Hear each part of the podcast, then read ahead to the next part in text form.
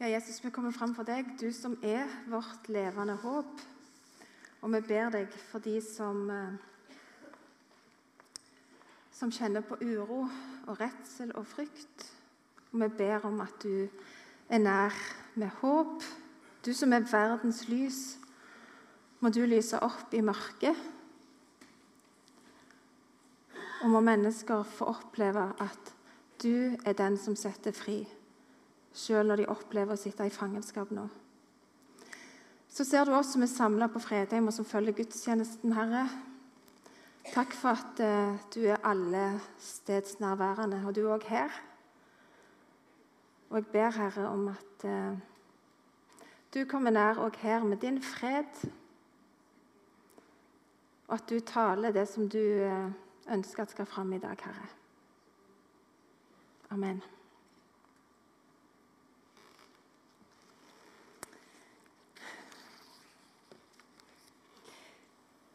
Jeg vet ikke hvordan det er med dere, men Noe av det herligste jeg vet, det er å få låne babyer.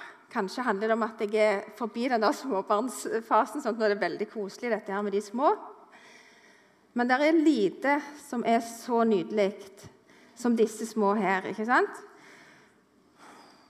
Jeg satt med en sånn en liten for ikke så lenge siden. og så, Når du har dem i fanget sånn, sant? så møter blikket, og bare de er helt med og så Hvis du da legger de ned og så holder hendene foran sånn 'Meina, hvor er Petter?' Og så gjør sånn Abbe! ikke sant? Så er det bare noe sånn frydesyl for en respons. Det er jo kjempekjekt. 'Meina, hvor er du?' Abbe! Og så er de der, vet du. Helt med. Mer. Så ble ungene litt større, og iallfall var det sånn hos oss når ungene var små, at um, bare de hadde gjemt seg sjøl og ikke så seg sjøl, så trodde de at vi heller ikke visste hvor de var.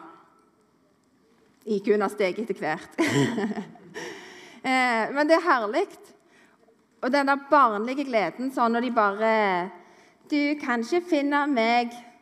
Så står de gjerne bak gardinet, og vi må vel innrømme at vi har en mistanke om hvor de er. Og så sier vi 'gi et lite lyd', og så hører du 'pip, pip' idet du ser liksom, silhuetten i gardinet blafre litt og beina stikker fram. Og så leter vi litt til, og så er det bare Hvis vi ikke finner de fort nok, da, så hoppet ungene fram. 'Her er jeg!' Ikke sant? De kunne ikke vente lenge nok med å vise hvor de var. Og Her på Fredheim så har vi lekt en lek når vi jeg vet ikke om vi skal si når vi døgner med ungdommene i helgene, men det er nok det vi gjør. På nettene da, vi så har vi en lek som er min favorittlek. Svensk gjemmelek. Har dere vært med på den? Én gjemmer seg, og resten leter. Alle 50, sier vi 50 stykk, så skal 49 stykk finne ut hvor er du Så gjemmer den ene seg, og så springer vi rundt her så feler vi litt, for det er ganske mørkt og stort. Og så er poenget å finne den som har gjemt seg, sette seg ned stilt bak han, helt til det er bare én igjen som sier 'Hvor er du?' og den har tapt. Det er svensk gjemmelek. Så er det vel sånn for de fleste ungdommer at eh, det er gjerne ikke gjemmelegen som er det mest stas å leke. Den vanlige gjemmelegen. Eh, da er det gjerne litt mer sånn at de ikke har lyst til å si hvor de er. Hvis det at vi spurte ungene når de var i ungdomstida sånn Ja, hvor du skal hen? Eh, jeg skal ut. Ja, hvem du skal være med? Så kjekt. Eh, jeg skal bare ut.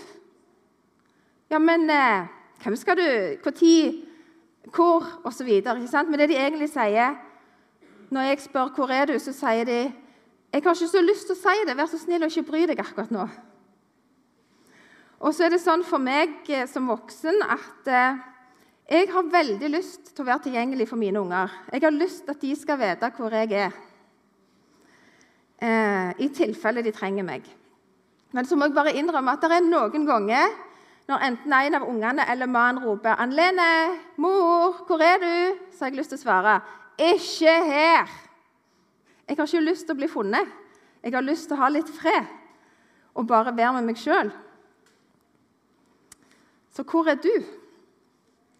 Hvor lengter du etter å være?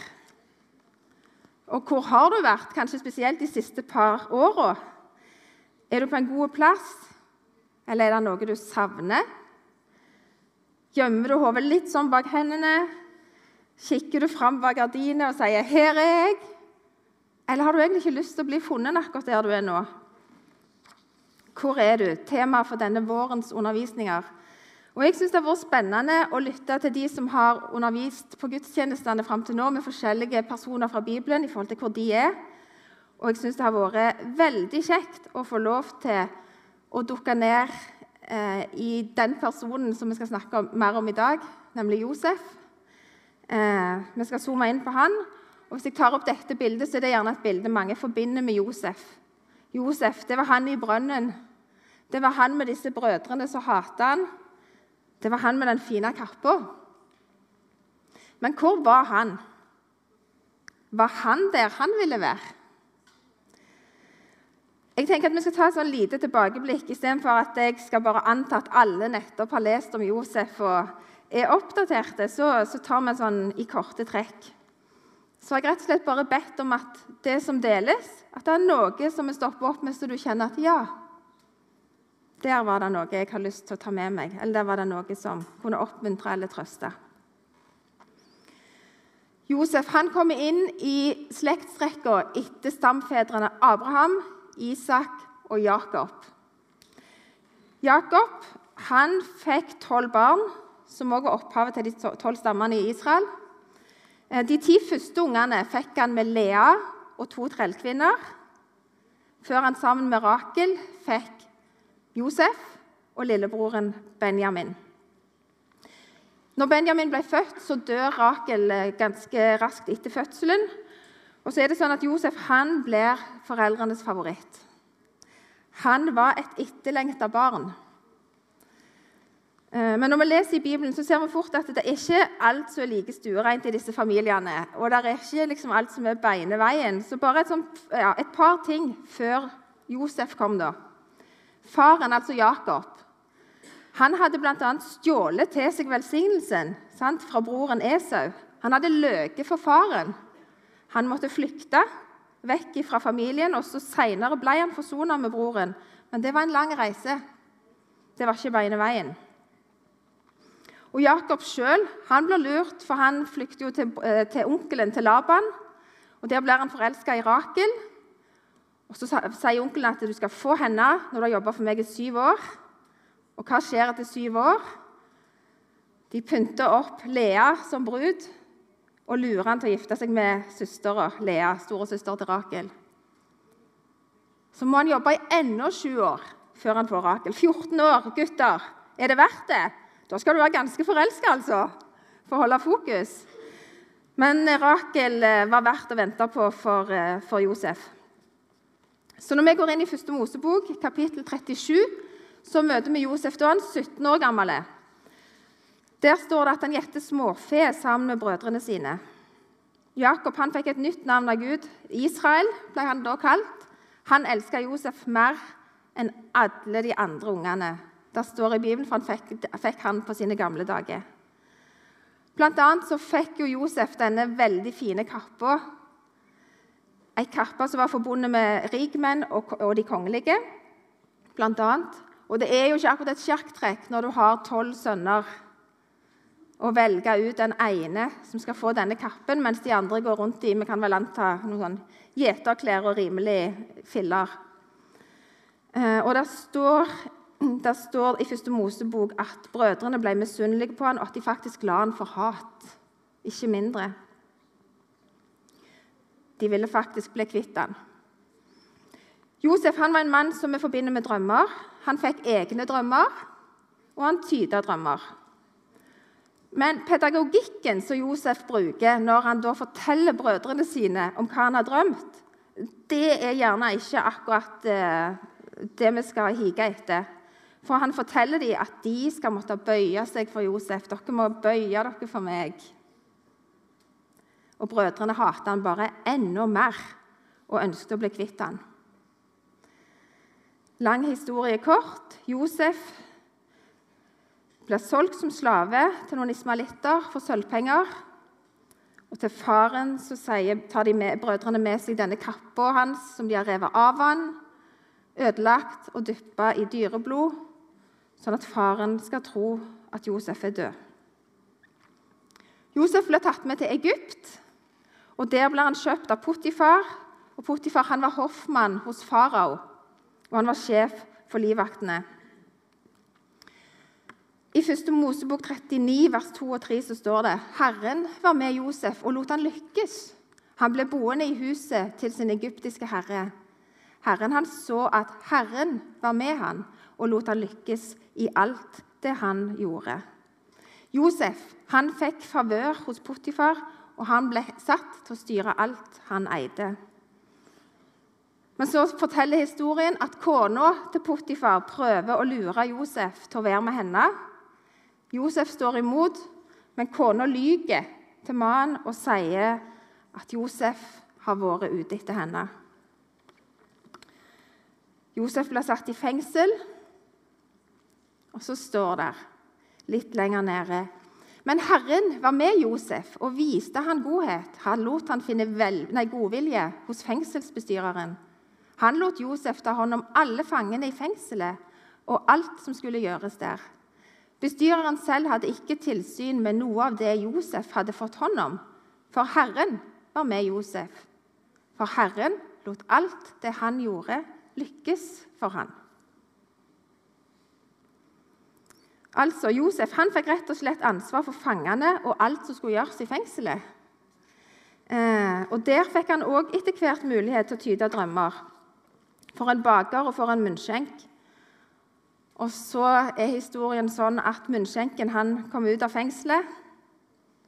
Men han glemmer å fortelle om Josef, så Josef han blir sittende i to år til han i fengselet. etter at munnskjenken er ute. Da kommer de plutselig på at Josef er en som kan tyde drømmer når farao får en spesiell drøm.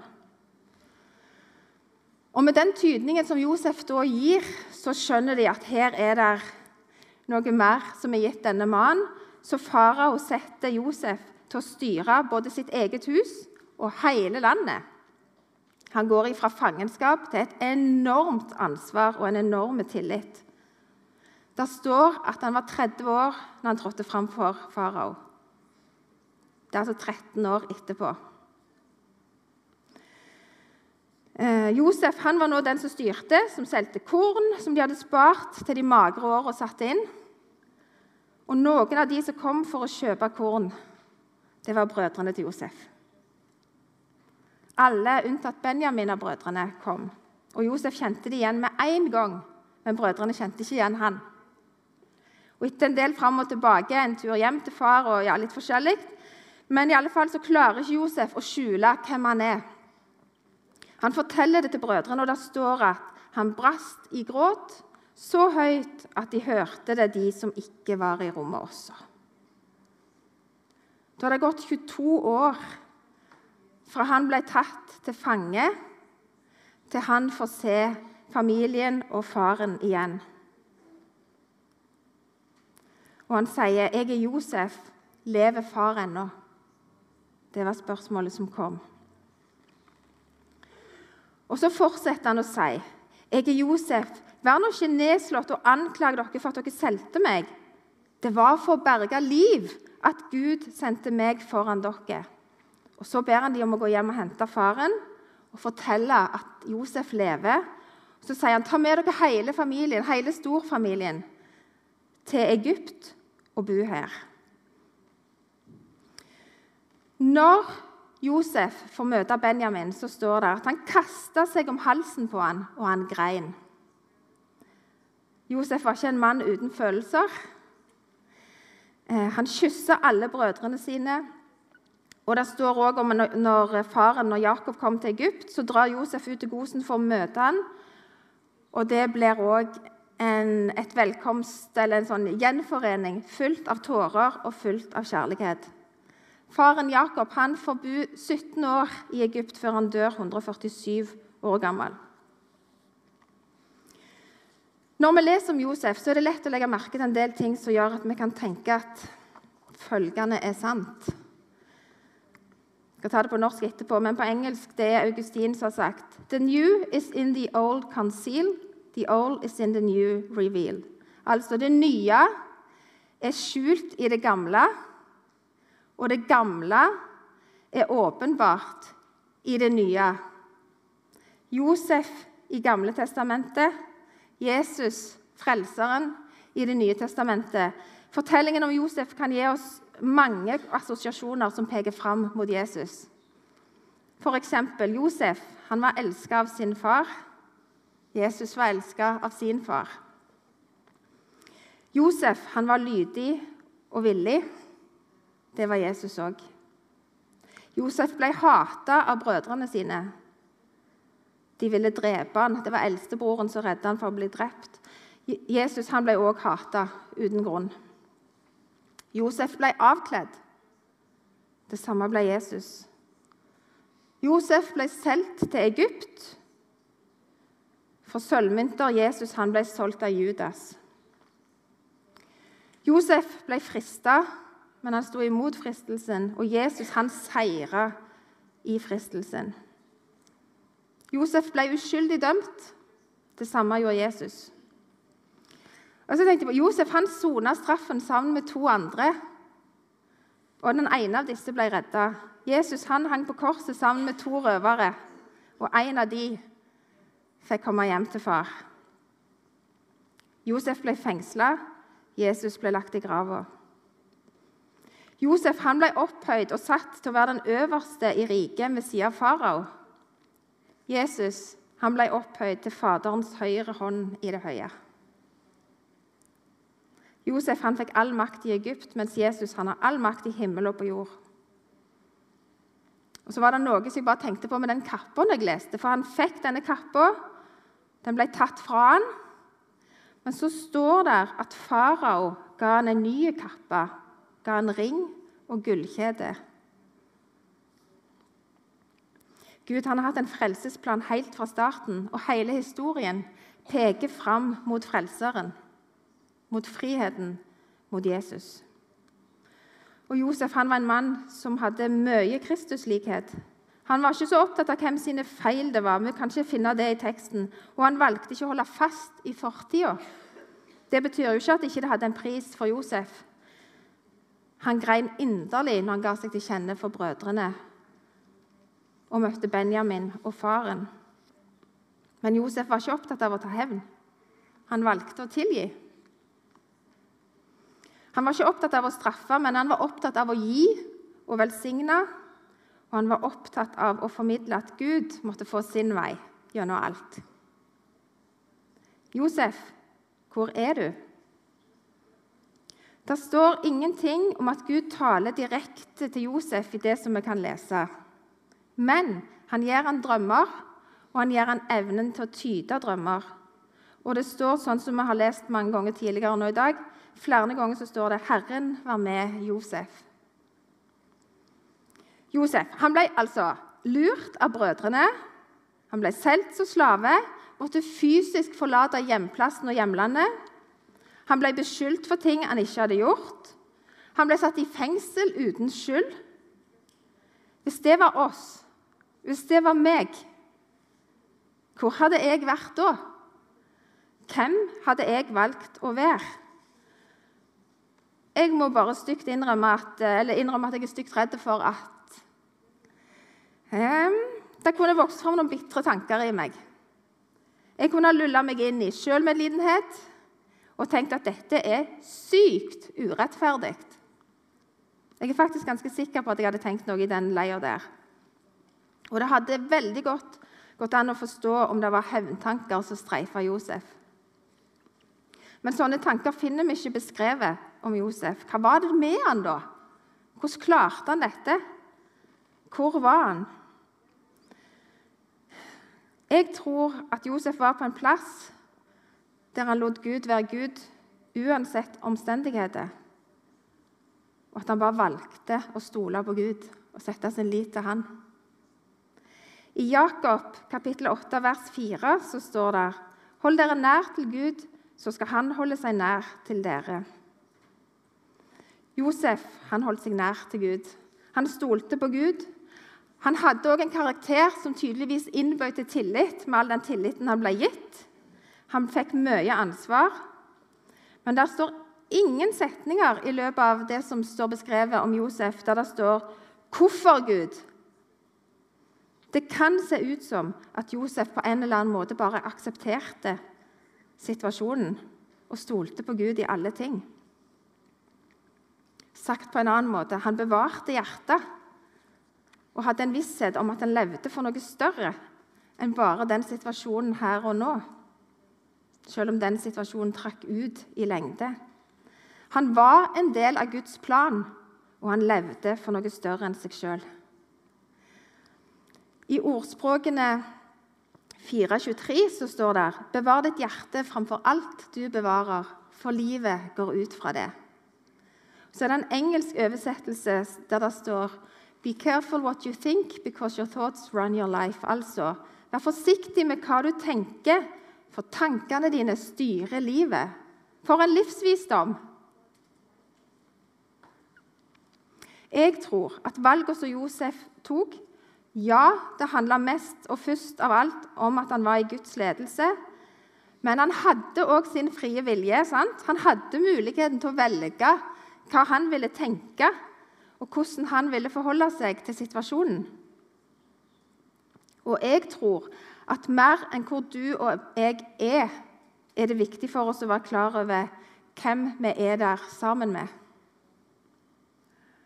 Når sykdom, sorg, urettferdige ting, uforutsette ting skjer i mitt liv, da har jeg faktisk muligheten til å velge hvor jeg vil være, og hvem jeg vil være. Og hva mener jeg med det? Jo, jeg kan gjemme meg og ikke la noen få vite hvor jeg er, i den betydning at jeg ikke deler noen ting. At jeg ikke lever transparent. Eller jeg kan velge å la livet overmanne meg og gi Gud ansvaret for å rydde opp og bare sitte der på vent som et offer og vente på at ting skal gå over eller forsvinne. Faktisk så kan jeg velge, med min tanke, så kan jeg velge innstilling i enhver situasjon. Det tror jeg Josef gjorde. Jeg leste et lite stykke om en som satt i konsentrasjonsleir eh, under andre verdenskrig. og Han sier følgende De kunne ta fra oss alt, med unntak av én ting. Nemlig muligheten til å velge innstilling i enhver situasjon.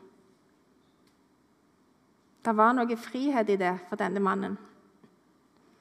Og som Bente nevnte innledningsvis, jeg eh, har meldt med flere av våre venner i Havana i Ukraina. Det er elleve familier som jobber for Havana i Ukraina.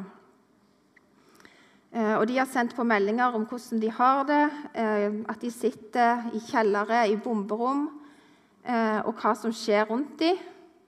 Og at bønna er at lovsangen igjen skal stige fra de bedehusene som er ødelagt. Og så skrev jeg, eh, skrev jeg til dem kan, ja, vi ber, og hvordan kan vi be konkret? Men hva mer kan vi gjøre for dere? Og når da svaret kommer, vil du være med og be om at vi i denne situasjonen får fortelle enda et menneske om Jesus? For et fokus! Hvor er en mann som gir sånn et svar?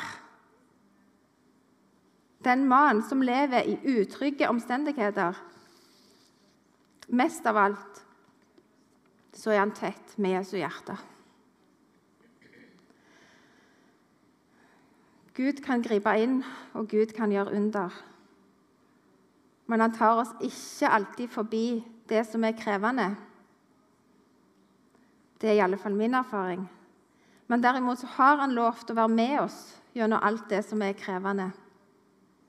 Alle dager inntil verdens ende. Og Det vitner historien om Josef om. Og Det er òg det som jeg kan føye, føye, meg inn i og si at, at jeg opplever sant. Gud er trofast. Det er veldig mange ting jeg ikke skjønner. Og det er en del ting jeg skal spørre Vår Herre om når vi får treffes. Men istedenfor å anklage og si 'Hvorfor, Gud?'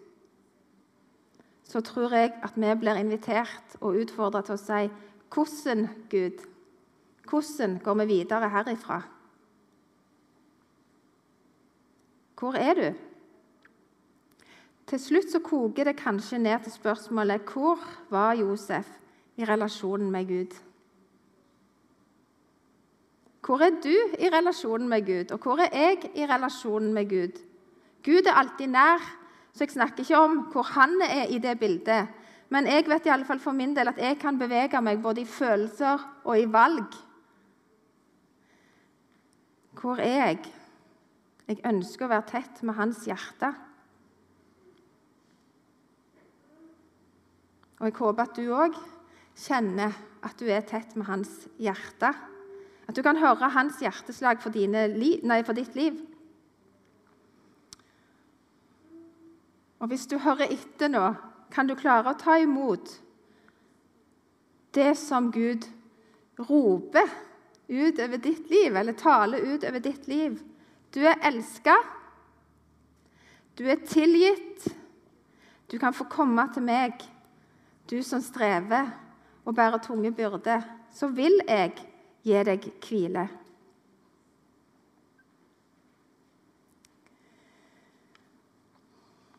Josef han var slave, han var fange. Han var ufri.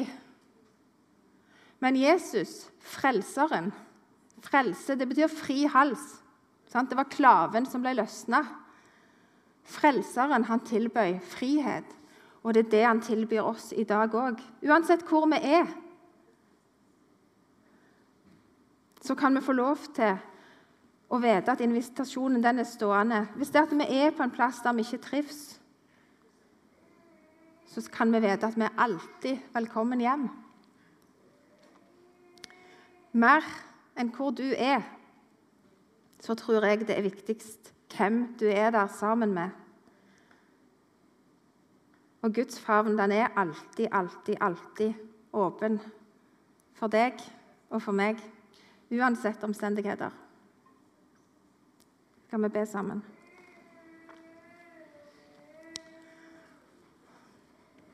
Herre og Frelser, jeg takker deg for den uendelige kjærligheten du har vist oss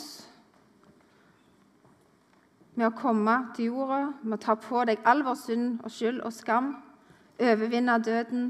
Du sto opp igjen, Herre, og du står der med åpne armer og tilbyr oss å komme hjem.